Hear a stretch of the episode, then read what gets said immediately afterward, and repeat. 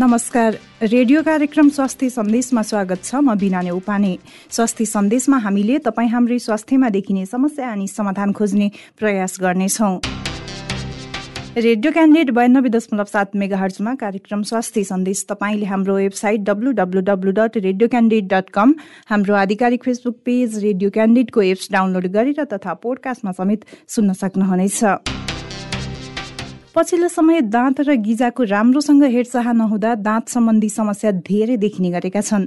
गिजाको राम्रो हेरचाह नहुँदा गिजा कमजोर भएर रगत आउने दाँत कमजोर हुँदै जाने दाँत नै झर्ने सम्मको समस्या देखा पर्न सक्छ। दाँतमा टाँसिएको खाद्य पदार्थ चक्लेट वा अन्य गुलियो खानेकुरा राम्रोसँग सफा नगर्दा त्यस ठाउँमा फोहोर कुहिने र अम्ल बन्ने हुन्छ। त्यसपछि अम्लले दाँतको प्राकृतिक इनामेल नष्ट गरिदिन्छ।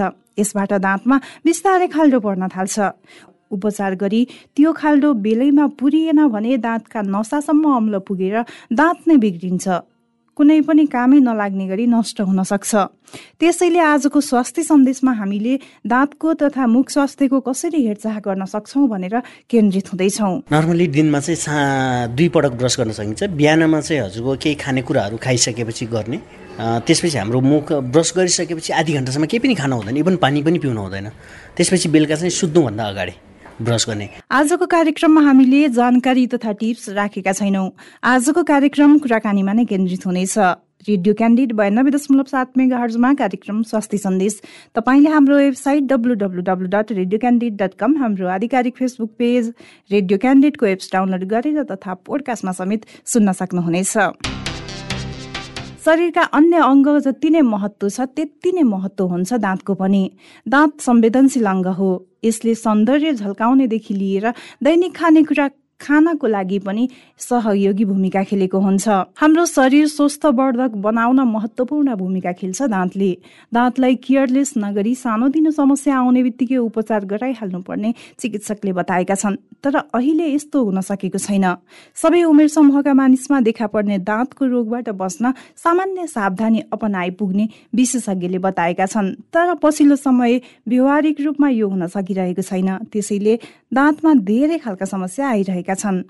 दाँत सम्बन्धी केही रोगले सुरुमै असर गर्छ भने केही गम्भीर प्रकृतिको हुन्छ अथवा पछिसम्म गएर ठुलो असर गर्ने हुन्छ। दाँतको रोगले जिन्दगीभर तनाव दिन सक्ने भएकाले समयमा यसको पहिचान र उपचार गरी यो समस्याबाट बच्न सकिन्छ। त्यसैले आज हामी दाँतमा देखिने समस्या तथा समाधान कसरी गर्न सकिन्छ भनेर कुराकानी गर्दैछौँ। आजको कुराकानीको लागि हामीसँग हुनुहुन्छ दन्त चिकित्सक डाक्टर किरण आचार्य। सुनौ उहाँसँग गरिएको कुराकानी। स्वागत छ डाक्टर साहब स्वास्थ्य सन्देशमा। हस् धन्यवाद। अब मुख सम्बन्धी पनि अब धेरै समस्या देखा पर्छन् होइन? खासमा यो गिजामा भनौँ कस्तो कस्तो खालको समस्या देखा पर्छ? बेसिकल्ली त अहिले मान्छेमा जस्तो दाँत भन्ने कुरा दाँत र मुख सम्बन्धी भन्ने कुरा अझ गाउँसम्म ग्रामीण क्षेत्रसम्म चाहिँ जनचेतना फैलिएको छैन। अहिले पनि मान्छेले के गर्छ भने सामान्य दाँत दुख्यो अथवा गिजा सुन्यो भने गाउँघरतिर सुर्ती अथवा खैनी जे पाउँछ त्यो कुराहरू त्यहीँनिर च्यापेर राख्ने त्यसले चाहिँ कम गर्ने भन्ने उनीहरूको चाहिँ त्यस्तो सोचाइ हुन्छ। अनि त्यो सुर्ती उनीहरूलाई उहाँहरूलाई चाहिँ के थाहा हुँदैन भने यो सुर्तीले अथवा चाहिँ जुन हामीले सुपारीहरू खान्छौँ यसले के असर गर्छ त? त्यो कुरा उहाँहरूलाई थाहा हुँदैन। तर त्यहीबाट नै यो सामान्य हामीले जुन डेन्टल प्लाक भन्छौँ त्यो भनेको बाहिर दाँतको बाहिरी लेयरमा चाहिँ एक किसिमको क्यालकुलस हार्ड चिज दाँतमा जति पनि फोहोर चिजहरू जम्मा हुने ठाउँ हो त्यस्तो जम्मा हुनुलाई चाहिँ त्यो सुर्तीजन्य पदार्थ त्यसले चाहिँ एकदम मद्दत पुऱ्याउँछ। अनि यो बढ्दै बढ्दै गयो भने चाहिँ गिजामा पनि यसले चाहिँ गिजाहरू सुनिन सक्ने अवस्था त्यसपछि आएर अर्को हजुरको दाँतहरू हल्लिन सक्ने अवस्था त्यहाँसम्म चाहिँ यसको असर हुन्छ। सुर्ती जस्तो यस्तो पदार्थले। र बेसिकली मान्छेले के हुन्छ भने अहिले आजभोलिको यो काठमाडौँ पेसेन्टहरूलाई अति अवेरनेस पुगेको छैन। हामीले त्यस्तो पेसेन्टहरू आयो गिजा सम्बन्धी चाहिँ हजुरलाई धेरै समस्याहरू छ गिजामा फोका उठ्ने छ अथवा चाहिँ सामान्य दाँत हल्लिने छ। यो कारण भनेको पहिलो स्टेज भनेको गिजामै देखिन्छ। गिजामा देखेर त्यसले चाहिँ दाँतलाई सपोर्ट गर्ने एउटा एल्बुलर बोन भन्छ त्यो बोन्सलाई पनि असर गर्छ। अनि त्यो बोन कमजोर हुँदै गयो भने चाहिँ दाँत हल्लिन सक्ने सम्भावना हुन्छ। अनि हामीले सामान्यतया मान्छेलाई अब दाँत सफा गर्नुपर्छ तपाईँले दाँत बलियो बनाउनुपर्छ दाँत चाहिँ सबैको लागि दाँत चाहिन्छ भन्दाखेरि उनी के हुन्छ भने सफा गऱ्यो भने दाँत हल्लिन्छ। धेरैको बुझाइ छ कि अब धेरै ब्रस गर्दाखेरि अब त्यो स्केलिङ गर्ने भन्छ होइन त्यो गर्दा पनि दाँतलाई असर गर्छ भनेर। त्यसो होइन धेरै ब्रस गर्दाखेरि अथवा ब्रस गर्ने खासमा त म मेरो अनुभवमा म कहाँ आउने पेसेन्टहरू के हुन्छ भने डक्टर हामीले दिनमा तिन पटक चार पटक अथवा दुई पटक ब्रस गर्छु तर मेरो दाँत सफा हुँदैन भन्छ। त्यो के भनेको? तरिका नमिलेको ब्रस गर्ने तरिका हुन्छ। है हामीले चाहिँ एभ्री पेसेन्ट जस्तो बच्चाहरूलाई ब्रस गर्न दिने तरिका फरक छ। त्योभन्दा अलिकति वयस्क छ वर्षदेखि माथिको मान्छेहरूलाई हामीले ब्रस गर्ने सिकाउने तरिका फरक छ। खालि हामीले ब्रस मात्रै घोटेर यतादेखि उताको कुनासम्म ब्रस घोटेर त्यसरी पुऱ्याएर चाहिँ दाँत सफा हुने होइन। त्यसले त खालि उल्टो असर पनि गर्छ। सही तरिका चाहिँ कसरी हो डाक्टर साहब ब्रस गर्ने? जहिले पनि ब्रसलाई चाहिँ पछाडिको भाग माथि अथवा तलको पछाडिको भागदेखि सुरु गर्नुपर्छ। त्यो गर्दाखेरि ब्रसलाई हामीले एकदम सफ्ट सबै मान्छे आजभोलि प्रायः पढेको लेखेको मान्छे हुन्छ। ब्रसको पछाडिपट्टि हेर्नुभयो भने चाहिँ सफ्ट अर मिडियम ब्रस लेखेको हुन्छ। कहिले पनि हार्ड ब्रसहरू युज गर्नु हुँदैन। हार्ड ब्रस चाहिँ त्यो जस्ट सस्तोको लागि मात्रै मार्केटिङ गरेको बेच्नको लागि मात्र सफ्ट ब्रस युज गरेर एकचोटिमा चाहिँ आदि ब्रसको जुन ब्रिस्टल भन्छ जुन झुप्पा परेको भाग हुन्छ जुन त्यसको रौँहरूको भाग हुन्छ त्यो भागलाई आदि चाहिँ हामी गिजातिर फर्काउने आदि चाहिँ दाँततिर फर्काउने। त्यसरी गर्दाखेरि के हुन्छ नि हल्का भाइब्रेट गरेर त्यो ब्रसलाई भाइब्रेट गरेर चाहिँ यी दुईवटा दाँतको बिचको फोरहरू पनि हामीले इजिली निकाल्न सक्छौँ। प्लस त्यसको भाइब्रेट गर्नुको अर्थ के हो भने गि गिजामा पनि मसाज पुग्छ। भन्नुहोस् गिजाभित्र जति पनि खानेकुरा अड्केको हुन्छ त्यो त निस्किन्छ। त्यही ब्रसको कारणले गर्दा। त्यसरी ब्रस गर्दै जानुभयो भने चाहिँ दाँत सफा हुन्छ। अब यो बाहिरी सतहको भाग भयो। भित्री सतहको भाग गर्दाखेरि हामीले जहिले पनि ब्रसलाई छड्के पारेर अगाडिको भित्री भाग होस् अथवा माथिको भित्री भाग होस् ब्रसलाई चाहिँ इन्भर्टेड छड्के पारेर चाहिँ हामीले ब्रस गर्नुपर्छ। त्यसै गरी जुन हाम्रो मेन किरा लाग्ने दाँतहरू भनेको पछाडिको बङ्गराहरू हो त्यो बङ्गराहरू चाहिँ एकदम मोस्ट प्रोयाली किरा लाग्छ। किनभने त्यसमा चाहिँ कस हाम्रो चपाउने भागहरू एकदम गहिरो खालको हुन्छ। त्यसमा खानेकुराहरू एकदम मजाले अड्किएको हुन्छ। हामीले खालि ब्रस गर्दा के गर्छौँ? जुन भाग अगाडि देखिन्छ त्यो भाग भागलाई मात्रै घोटेर मात्रै ब्रस गर्ने गर्छौँ। माथि चाहिँ गर्ने चलन छैन। अनि त्यो माथिको भाग पनि हामीले ब्रस गऱ्यौँ भने त्यसरी ब्रस गर्दा के हुन्छ भने मिनिमम सुरुमा लाग्ने भनेको टाइम तिन मिनट हो। त्यसपछि दुई मिनटसम्म चाहिँ हामीले ब्रस गर्न सक्छौँ। राम्रोसँग ध्यान दिएर दुई मिनटसम्म ब्रस गऱ्यो भने दाँत सफा गरिराख्नुपर्छ भन्ने अवस्था चाहिँ रहँदैन। दिनमा कति पटकसम्म ब्रस गर्न सकिन्छ? नर्मली दिनमा चाहिँ सा दुई पटक ब्रस गर्न सकिन्छ। बिहानमा चाहिँ हजुरको केही खानेकुराहरू खाइसकेपछि गर्ने। त्यसपछि हाम्रो मुख ब्रस गरिसकेपछि आधी घन्टासम्म केही पनि खानु हुँदैन इभन पानी पनि पिउनु हुँदैन। त्यसपछि बेलुका चाहिँ सुत्नुभन्दा अगाडि। ब्रस गर्ने। त्यो दुईवटा मोसन किन हामीले बिहान बिहानै नै ब्रस नगरेको भनेको राति हामी सुत्ने बेला ब्रस गरिसक्यो भने बिहानसम्म चाहिँ त्यही ब्रसिङ टेक्निकले काम गरेको हुन्छ। केही पनि मुखहरूमा केही पनि जम्न पाउँदैन। त्यही भएर केही कुरा खाने चिज खायो भने हामी इमिडिएटली ब्रस दुई पटक गर्ने र कुनै पनि टाँसिने चिजहरू खायो भने कुल्ला गरिहाल्ने बानी गर्नुपर्ने हुन्छ। ब्रस गर्ने मन भनौँ। त्यो पनि अब कुन राम्रो कुन नराम्रो भनेर चाहिँ कसरी छुट्याउनु डाक्टर हामीले? अब अहिलेको ट्रेन्डमा के छ भने सायद यो एउटा विश्वास हो मान्छेमा। डक्टरहरूलाई नै उनीहरूले भगवान् ठानेको हुन्छ। मैले हजुरलाई कुनै पेसेन्टलाई सपोज पेसेन्टलाई मैले एउटा कोलगेट टुथपेस्ट दिएँ भने त्यो पेसेन्टले अन्धविश्वास भएर के प के भन्छ भने यो त सबैभन्दा राम्रो टुथपेस्ट हो। मैले दिएको टुथपेस्ट। तर त्यही टुथपेस्ट उसले मार्केटदेखि किन्यो भने यो चाहिँ नराम्रो टुथपेस्ट हो भन्ने कुरा छ। खासमा हामीले नर्मल्ली डेन्टिस्ट भएर भन्दाखेरि जति पनि टुथपेस्टहरूमा फ्लोराइड कन्टेन्ट हुन्छ पेस्टहरूमा पाउडर फर्ममा चाहिँ कुनै पनि फ्लोराइडहरू हुँदैन। सकभर हामीले पाउडर फर्मलाई चाहिँ स्टप गर्ने प्रड्युस नगर्ने अथवा चाहिँ त्यसलाई प्रयोगमा नलिने भन्ने कुरा गर्छौँ। पेस्ट फर्म चाहिँ सामान्यतया fluoride content thousand PPM of fluoride भन्ने हुन्छ। त्यो थाउजन्ड पिपिएम अफ फ्लोराइड भएको टुथपेस्टहरू युज गर्दा चाहिँ जुनसुकै कोलगेट क्लोजअपहरू यो त्यो भन्ने नै छैन। जुनसुकै युज गर्दा पनि त्यो नै राम्रो हो। तर अहिले मान्छेले के गर्छ भने प्रायः मान्छेहरूले युज गर्ने भनेको सेन्सोडाइन युज गर्छ। मैले यही सोध्न लाग्थेँ धेरैले अब सेन्सोडाइन भन्ने बित्तिकै केही चेक गर्नु पनि पर्दैन राम्रो हुन्छ भन्ने बुझाइ पनि छ। हजुर। अब यो अहिले सबैभन्दा मान्छेमा चाहिँ के छ भने सेन्सोडाइन चाहिँ सबैभन्दा बेस्ट टुथपेस्ट भनेर उनीहरूले युज गरिरहेको हुन्छ। Sensodyne is not best. Sensodyne चाहिँ त्यो मानेमा best it is a medicated toothpaste है? त्यो चाहिँ मेडिसिन यसमा मेडिसिन कन्टेन हुन्छ। हामीले मेडिसिन कहिले खान्छौँ त भन्दा कुनै पनि रोग लगाएपछि खाने हो। त्यसै गरी कुनै पनि दाँतमा चाहिँ सेन्सिटिभिटी भयो भने मात्रै युज गर्ने हो सेन्सोडाइन। अदरवाइज नर्मल टुथपेस्टको रूपमा सेन्सोडाइन चाहिँ प्रयोग गर्न हुँदैन। आफूले दाँत चेक नगराइकन चाहिँ अब भनौँ डक्टरको सल्लाह सुझाव बिना यो प्रयोग गर्नु चाहिँ हुँदैन। हुँदैन। यो डक्टरको सल्लाह सुझाव बिना चाहिँ यो टुथपेस्टहरू सेन्सोडाइन प्रयोग गर्नु हुँदैन। हामी पनि के गर्छौँ भने कसैलाई दाँत सिङ सिङ भयो भनेर हामी कहाँ चेक गराउन आएको बिरामीहरूलाई सेन्सोडाइन लिन्छु डक्टर भने उनीहरू भन्छ। हामीले के भन्छ जस्ट सेन्सोडाइन चाहिँ सेन्सिटिभिटी छ भने वान विक मात्रै युज गर्नु भन्छ। हामीले कन्टिन्युस युज गर्नु भन्दैनौँ। तर पेसेन्ट हामीले के पाउँछ भने ए वान विक युज गर्नु भनेको मैले त वर्ष भयो बिस वर्ष भयो दस वर्ष भयो मैले कन्टिन्यू युज गरिरहेको छु भन्ने कुरा चाहिँ पेसेन्टहरूले भन्ने कुरा चाहिँ सुनाउँछ। अब दाँतमा कुनै पनि खालको समस्या नआओस् भनेर चाहिँ अब के के कुरामा ध्यान दिने त? मेन कुरा त हाम्रो पर्सनल हाइजिनमा ध्यान दिनु पऱ्यो हामीले जति पनि छ मेन सबैभन्दा पहिलो फोकस भनेको ब्रसिङ टेक्निक हो। हामीले ब्रसिङ टेक्निक राम्रोसँग गऱ्यो भने दाँतमा क्यालकुलस प्लाक अथवा चाहिँ जुन हामीले किरा लाग्ने भन्छौँ डेन्टल केरिज त्योबाट चाहिँ हामी बच्न सक्छौँ। पहिलो स्टेज नै त्यसपछि अर्को दोस्रो उपाय भनेको नियमित रूपमा छ छ महिनामा डेन्टिस्ट कहाँ चाहिँ भिजिट गर्न जान्छ जस्ट चेकअपको लागि। होला केही कुनै ट्रिटमेन्टहरू जस्तो कुनै दाँतहरू किरा लाग्ने अवस्था छ भने डेन्टिस्टले चाहिँ डेन्टल सर्जनहरूले चाहिँ उहाँहरूले भन्नुहुन्छ हजुरको यो दाँत किरा लाग्ने छ यो दाँत यस्तो छ बचाउनुहोस् भन्ने हुन्छ। नेक्स्ट अर्को उपाय भनेको हाम्रो diet. Diet factor is very much responsible for the causation of the dental caries दाँत किरा लाग्नलाई चाहिँ डाइट डाइटको एकदम इम्पोर्टेन्ट रोल हुन्छ। सो जति पनि हामीले फाइब्रस फ्रुटहरू खान्छौँ जस्तो एप्पलहरू खान्छौँ यस्तो फाइब्रस फ्रुटहरू चाहिँ एक्सेसिभ एमाउन्टमा कन्ज्युम गर्नुपर्छ ताकि जङ्क फुडहरू ब्रेडहरू स्टिकी फुड्सहरू चाहिँ एकदम कम मात्रामा मात्र खानुपर्छ। द्याट कन्टेन्स द कार्बोहाइड्रेट त्यही कार्बोहाइड्रेटले गर्दा नै दाँतमा किरा लाग्ने। अब मान्छेमा के छ भने दाँतमा किरा नै हुन्छ भन्ने एक किसिमको बिलिफ छ।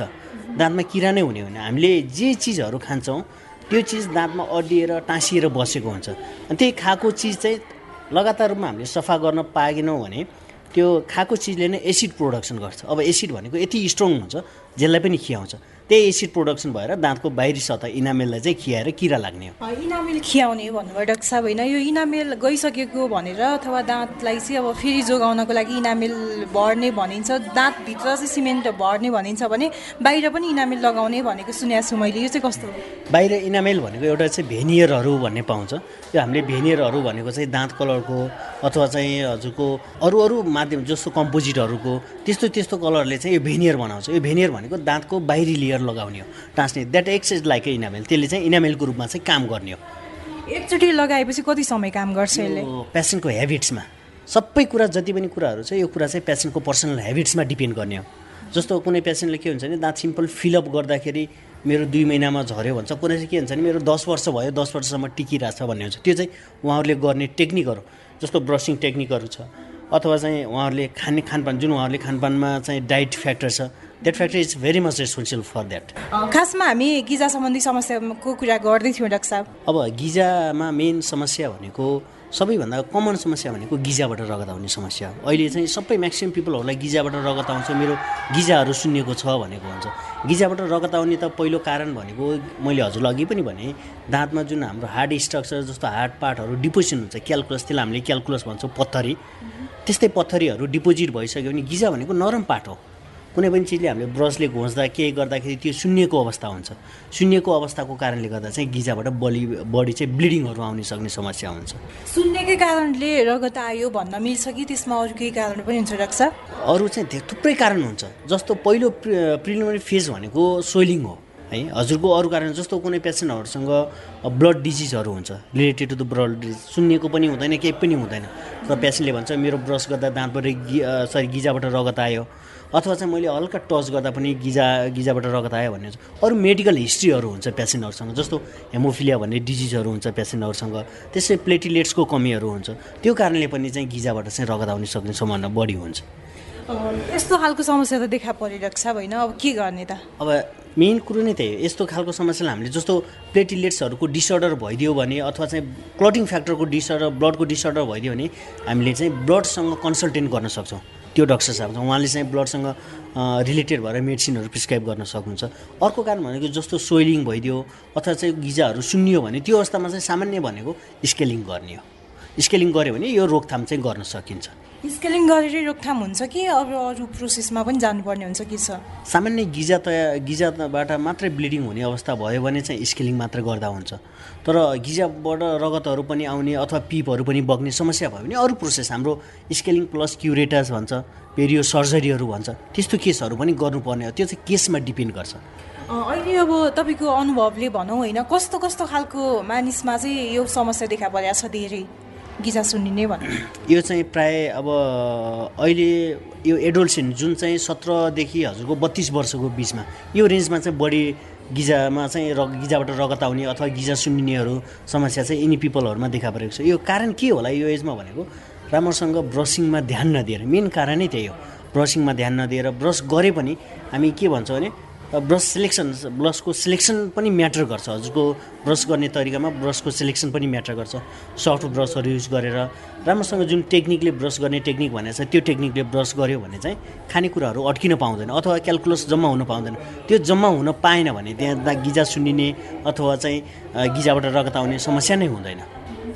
अब समस्या पनि आयो अब केयर गर्दा गर्दै पनि समस्या आइसक्यो होइन? समस्या आइसकेपछि अब समाधान त गर्नै पर्ने हुन्छ डाक्टर साहब होइन? अब जो जसले चाहिँ अहिले अब यो समस्या भोगिरहनु भएको छ उहाँहरूले अब के के कुरामा ध्यान दिने त? उहाँले मेन कुरा त सबभन्दा पहिला त रेगुलर डेन्टिस्ट कहाँ? डेन्टल सर्जनहरू कहाँ जाने? हामी नेपाल कहाँ चाहिँ धेरै थुप्रै डक्टरहरू बस्नु भएको छ। डक्टरहरूको क्लिनिकहरू छ। रजिस्टर्ड डेन्टल सर्जन कहाँ गएर डेन्टल चेकअपहरू गराउनुहोस्। डेन्टल चेकअपहरू गराउनु भयो भने उहाँहरूको समस्या के के छ? इभन सिम्पल स्केलिङ गर्दाखेरि त्यो समस्या सल्भ गर्न सकिन्छ।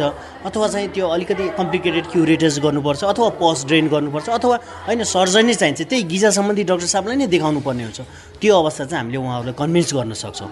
र अर्को भनेको सामान्यतया दाँत कसरी सफा गर्ने भनेको हामीसँग अहिले थुप्रै डेन्टल म्यान पावरहरू छ सामान्यतया कलेजहरू स्कुलहरूमा सबैमा पढाइ हुन्छ। कसरी ब्रस गर्ने ब्रसिङ टेक्निक भनेको के भनेर यदि यहाँहरूले चाहिँ ब्रसिङ टेक्निक सही तरिकाले गर्नुभयो भने यो रोकथाम गर्न सक्नुहुन्छ। कतिपयले चाहिँ के भन्ने गर्नुहुन्छ भने दाँत सफा गरेँ मैले छ महिनामा बोलाउनु भएको डाक्टर साहबले गएको अहिले त एउटा दाँत पनि काम नलाग्ने भएको छ। अब त डेन्टिस्टकोमा जान पनि डर भएको छ भन्नुहुन्छ डाक्टर साहब। हजुर हो यस्तो समस्या लिएर धेरै पेसेन्टहरू आउँछ। त्यो स्टेज कस्तो स्टेज हुन्छ भने जस्तो यदि गिजाले मात्रै दाँतलाई छोडेको छ भने दाँतहरू बस्न सक्ने अवस्था हुन्छ। जस्तो दाँतलाई चाहिँ पेरिडोन्सियम भन्छ। पेरिडोन्सियम हजुरको एलिभेला बोन पेरिडोन्टल लिगामेन्ट गिजाहरू जिन्जेवाहरू सबले घेरेको हुन्छ। यदि त्यो दाँतलाई कुनै पनि दाँतलाई हड्डीले नै छोडिसकेको छ धेरै फोहोरहरू भएर हड्डीले छोडिसकेको छ मान्छेले अवस्था बुझ्न चाहँदैन कि उहाँको कन्डिसन के थियो पहिलेको कन्डिसन? सफा गर्नुभन्दा अगाडिको कन्डिसन के थियो? त्यो कुरा उहाँहरूले बुझ्न चाहनुहुन्न। यदि त्यो कुरा उहाँहरूले राम्रोसँग बुझ्नुभयो भने जस्तो कुनै पनि हालतमा यदि हड्डीले चाहिँ दाँतलाई बलियोसँग समाएर राखेको छ गिजाबाट सामान्य रगत मात्र आउँछ भने त्यो दाँत कहिले पनि हन्ड्रेड पर्सेन्ट कहिले पनि झर्दैन निस्किँदैन। तर यदि हड्डी नै छोडिसकेको छ भने सफा नगरे पनि उहाँहरूको दाँत चाहिँ झर्ने हुन्छ। त्यही भएर मेन कहाँनिर अड्क्यो भने यदि दाँत चाहिँ हड्डीले राम्रोसँग बलियोसँग समाउन पाएन अथवा चाहिँ हड्डीले नै छोडिसक्यो भने चाहिँ त्यो चाहिँ सफा नगरे पनि झर्ने अवस्था हुन्छ। अब यो गिजा सुन्ने भनौँ अथवा गिजाबाट रगत आउने समस्याले गर्दा चाहिँ अरू रोग निम्ति आउन सक्ने जोखिम कतिको हुन्छ? यो खासमा इनिसियल स्टेज हो। यो जुन जिन्जेभाइटिस भन्छ हामीले चाहिँ हाम्रो डेन्टल भाषामा यो जिन्जेभाइटिस भनेको इनिसियल स्टेज हो। पहिला गिजामा देखिन्छ। त्यसपछि यो अलिकति मुनि गएर चाहिँ एल्भुलर बोनमा जान्छ अनि एल्भुलर बोन गयो भने एल्भुलर बोन भनेको जुन हड्डी हो दाँतलाई स्ट्रङ गर्ने हड्डी त्यो हड्डीसम्म जान्छ। हड्डीसम्म गयो भने एल्भुलर बोन लस हुन्छ। हड्डीले नै जुन दाँतलाई राम्रोसँग पगडेर बसेको हुन्छ त्यो नै लुज भइदिन्छ। त्यसपछि आएर दाँत नै खुकुलो भइदिन्छ। दाँत खुकुलो भएपछि बाध्य भएर हामीले दाँत निकाल्न पर्छ। सा हुन चाहिँ सामान्य गिजाको समस्या थियो? गिजा सोइलिङ भएको अथवा चाहिँ सुन्निएको अवस्था थियो फोहोरहरू जम्मा भएको अवस्था थियो त्यो कारणले गर्दा हामीले दाँत गुमाउनु पऱ्यो त्यो स्टेज भनेको it takes near over the one year एक वर्षसम्म चाहिँ त्यो लाग्न सक्छ। त्यस्तो अवस्था हुन्छ। यो त भयो दाँतमा अथवा मुखमा नै देखिने समस्या होइन। अब दाँतको समस्याले गर्दा चाहिँ अब शरीरको अरू कुनै भागमा असर गर्छ कि नै? दाँतले गर्दा शरीरको अरू अभियसली गर्छ। जस्तो हामीले जे चिजहरू खान्छौँ त्यो दाँतले चपाउने नै हो। मेन कुरा डाइजेसनमा। मान्छे विकनेसहरू फिल गर्छ। होइन? हाम्रो पाचन क्रिया चाहिँ राम्रोसँग हुन पाउँदैन एउटा कारण। अर्को कारण भनेको मैले हजुरलाई यहाँनिर अलिकति के जोड्न चाहेँ भने जस्तो अहिले नेपालमा सबैभन्दा मोस्ट कमन डिजिज भनेको डायबिटिज हो सुगर रोग। जो सुगर रोग भने एकदम भइरहेछ यो सुगर रोगको कारणले गर्दा पनि हड्डीहरू चाहिँ एकदम विक हुन सक्ने। जुन दाँतकोलाई सपोर्ट गरेको हड्डी हुन्छ त्यो चाहिँ गिजा छोडेको अवस्था हुन्छ। के कारणले भन्दा हामीले बेसिकली ओरल हाइजिन मेन्टेन गर्दैनौँ। मेन्टेन नगरेको अवस्था भइदियो भने त्यो हड्डीले पनि दाँतलाई छोडेको अवस्था हुन्छ। त्यो चाहिँ डायबिटिज पेसेन्टहरूमा प्रायः डायबिटिज पेसेन्टहरूमा हामीले यो क्लिनिकल साइनहरू भेट्छौँ। त्यो त्यही भएर चाहिँ जस्तो डायबिटिजहरूमा पनि यो असर गर्छ। इभन हर्ट डिजिजहरूमा है क्रोनेरी हर्ट डिजिजहरूमा इफेक्ट गर्छ। जस्तो रुमेटिक आर्थराइटिसहरूमा पनि इफेक्ट गर्छ। त्यसै मेन कुरा चाहिँ दाँत नै भएन भने हामीले जे चिजहरू खान्छौँ त्यो चिज चाहिँ डाइजेस्ट हुन पाउ पाएन। अथवा हामीले पोषण दिने चिजहरू चाहिँ हामीले चपाउन पाएनौँ। त्यसले स्वास्थ्यमा असर त गर्नु नै। भयो होइन। अब यो दाँत निक्लिएर जाने भयो जुन किराले खाएर भनौँ अथवा अरू कारणले गर्दा जुन त्यो छालामा रगत आउने अथवा पिपाउने भनिन्छ नि डाक्टर साहब त्यसले चाहिँ क्यान्सर गराउने सम्भावना हुन्छ कि नै? त्यसले छालामा रगत आउने जस्तो दाँत निकालेर गइसकेपछि छालामा रगतहरू आइरहेछ भने त्यसले एडभान्स स्टेजमा हुनसक्छ। यदि क्योर गरेन भने त्यो चाहिँ एडभान्स स्टेजमा it can be cause the oral cancer oral cancer cause गर्नको लागि बेसिकल्ली चाहिँ धेरै फ्याक्टरहरू छन् जस्तो स्मोकिङ अनि त्यसपछि बिटल नटहरू चुइङ जस्तो सुपारीहरू खाने पानहरू खाने गुट्काहरू खाने सुर्तीजन्य पदार्थहरू खाने त्यस्तो चिजहरू कन्टिन्युस रूपमा सेवन गरिराख्नु भएको छ भने पनि ओरल क्यान्सर हुनसक्ने अवस्था हुन्छ। तर ओरल क्यान्सर हुनसक्ने अवस्थालाई चाहिँ थाहा हुन्छ अर्ली स्टेजमै थाहा हुन्छ जस्तो हामीले ओरल सबमिकोस फाइब्रोसिस भन्छौँ दुईवटा गालाको भित्री पार्टहरू एकदम नरम हुन्छ। त्यो रूपमा एकदम जस्तो सुपारीहरू धेरै रूपमा कन्ज्युम गर्नुभएको छ भने त्यो गालाको भित्री पार्टहरू एकदम हार्ड स्टिफनेस भइदिन्छ। अनि हामीले के बुझ्न सक्छौँ भने अब मेरो डिजिज चाहिँ प्रि क्यान्सरसतिर क्यान्सर हुनुभन्दा अघिल्लो स्टेजसम्म पुगिसकेको छ है। अब चाहिँ मैले गएर डेन्टल सर्जन कहाँ अथवा चाहिँ डेन्टिस्ट कहाँ अथवा चाहिँ कुनै पनि मेक्जियोफेसियल सर्जन कहाँ गएर चाहिँ एकचोटि चेकअप गराउनुपर्छ भन्ने कुरा चाहिँ समस्तले बुझ्नुपर्ने आवश्यक हुन्छ। त्यो सेवन गर्ने आफूलाई पनि थाहा हुन्छ। हुन्छ। त्यो सेवन गर्ने आफूलाई पनि थाहा हुन्छ। उहाँहरूले के हुन्छ भने पहिले हामीले नर्मल्ली भनेको मुख ओपन माउथ ओपनिङ गर्न पठाउँछौँ। माउथ ओपनिङ गर्दाखेरि हाम्रो नर्मल तिनवटा फिङ्गर छिरेको हुन्छ। ग्रेजुअली त्यो डिक्रिजिङ एमाउन्टमा हुन्छ। जस्तो त्यो कन्ज्युम गर्ने मान्छेहरूको दुईवटा एउटा त्यसरी घट्दै गएको हुन्छ। अनि त्यो अवस्था भइदियो भने उहाँहरूले पनि आफै बुझ्न सक्नुहुन्छ कि मेरो दाँतमा अथवा मेरो गालातिर केही न केही समस्या छ। त्यो कारण के हो? मैले जुन चिजहरू कन्ज्युम गरेको छु त्यही चिजले गर्दा यस्तो भयो भन्ने कुरा। यो त भयो समस्या होइन डाक्टर साहब अब समस्या देखिसकेपछि समाधान गर्नुभन्दा पहिला नै हामीले समस्या ननिम्त्याउनको लागि अब के के कुरामा ध्यान दिने त? हामीले ध्यान दिनुपर्ने कुराहरू बेसिकली भनेको जुन हामीले नखानुपर्ने चिज जस्तो बिटल नटहरू सुपारीहरू पानहरू गुट्काहरू यस्तो चिजहरू कहिले पनि सेवन गर्न हुँदैन। अर्को कुरा भनेको हामीले रेगुलर रूपमा दिनमा दुईपटक ब्रस गर्नुपर्छ। खालि ब्रस मात्रै गरेर पनि पुग्दैन विदाउट फ्लोराइड टुथपेस्ट टुथपेस्टले गर्दा राम्रोसँग ब्रस गर्नुपर्छ। त्यसपछि रेगुलर रूपमा छ छ महिनाको बिचमा चाहिँ डेन्टिस्ट कहाँ गएर डेन्टल सर्जन कहाँ गएर आफ्नो रेगुलर डेन्टल चेकअपहरू गराउनु भयो भने यो समस्याबाट हामी चाहिँ जोगिन सक्छ। अहिले डेन्टिस्ट डेन्टलको बारेमा जस्तो पहिला म यो डेन्टल हाइजिनिस्ट सिडिएसहरू पढ्दाखेरि मान्छेमा अवेरनेस हुँदैन थियो। डेन्टल सम्बन्धी अवेरनेस अहिले पनि ग्रामीण क्षेत्रतिर कतै गयो भने अवेरनेस जस्तो म एक दुई ठाउँमा क्याम्पहरू जाँदाखेरि उहाँहरूले भन्नुहुन्छ हामीले टुथपेस्ट र ब्रस दियो भने यसले के जुत्ता पलिस गर्ने हो? भन्ने जस्तो अवस्था आउँछ। चाहिँ त्यो ग्रामीण दूरदराजसम्म चाहिँ डेन्टलको अवेरनेस हामीले दिन सकेको छैनौँ। अब यो सरकारको तर्फबाट जस्तो अघि पनि कुरा उठाएको थिएँ सामान्यतया हात कसरी धुने हात सरसफाइ गर्नमा के के ध्यान दिने भन्ने कुरा उठ्छ भने सामान्यतया बेसिक इम्पोर्टेन्ट भनेको दा दिनमा दुईपटक दाँत ब्रस गर्नुपर्छ है भन्नेसम्म चाहिँ अवेरनेस गाउँसम्म अथवा कुनै मिडियाहरूको माध्यमबाट चाहिँ सरकारले जनचेतना फैलायो भने मान्छेमा त्यतिकै फिफ्टी पर्सेन्ट अवेरनेस त्यहीबाट नै कम हुन जान्छ। यहाँको महत्त्वपूर्ण समय र जानकारी हाम्रो लागि दिनुभयो। त्यसका लागि धेरै धेरै धन्यवाद। हस् यहाँलाई पनि धेरै धेरै धन्यवाद। मलाई पनि आफ्नो केही दुई चार शब्द यहाँहरूसँग चाहिँ अथवा मैले सुनाउनु पाएकोमा चाहिँ हजुरलाई पनि मेरो धन्यवाद। अहिले दाँत तथा मुखमा कस्ता कस्ता खालका समस्या धेरै देखिने गरेका छन्। के कारणले गर्दा यस्तो समस्या धेरै आएको हो? कसरी यी समस्याबाट छुटकारा पाउन सक्छौँ? अनि कुनै पनि समस्या नआओस् भनेर हामीले के के कुरामा ध्यान दिनुपर्छ भनेर जानकारी दिँदै हुनुहुन्थ्यो दन्त चिकित्सक doctor Kiran Acharya. Radio candidate बयानब्बे दशमलव सात मेगा हर्चमा कार्यक्रम स्वास्थ्य सन्देश तपाईँले हाम्रो website W W W dot radio candidate dot com हाम्रो आधिकारिक फेसबुक पेज रेडियो क्यान्डिडेटको एप्स डाउनलोड गरेर तथा पोडकास्टमा समेत सुन्न सक्नुहुनेछ। कुराकानीमा आधारित रहेको रेडियो कार्यक्रम स्वास्थ्य सन्देश तपाईँलाई कस्तो लाग्यो? हामीलाई सल्लाह सुझाव र प्रतिक्रिया दिन नभुल्नुहोला। त्यसको लागि हाम्रो ठेगाना हो कार्यक्रम स्वास्थ्य सन्देश रेडियो क्यान्डिडेट बयानब्बे दशमलव सात मेगा हर्च दरबार मार्ग काठमाडौँ। यस्तै हामीलाई हाम्रो फेसबुक पेजमा मेसेज तथा इमेल ठेगाना radio candidate ninety two point seven at the rate Gmail dot कममा मेल गर्न सक्नुहुनेछ। हवस् त नियमित कार्यक्रम स्वास्थ्य सन्देश भोलि यही समयमा फरक विषयवस्तुका साथ उपस्थित हुनेछौँ। कार्यक्रम अवधिभर प्रविधिमा साथ दिने सृजना भुजेल सहित कार्यक्रम स्वास्थ्य सन्देशबाट बिना नै उपाने बिदा हुन्छु। नमस्कार।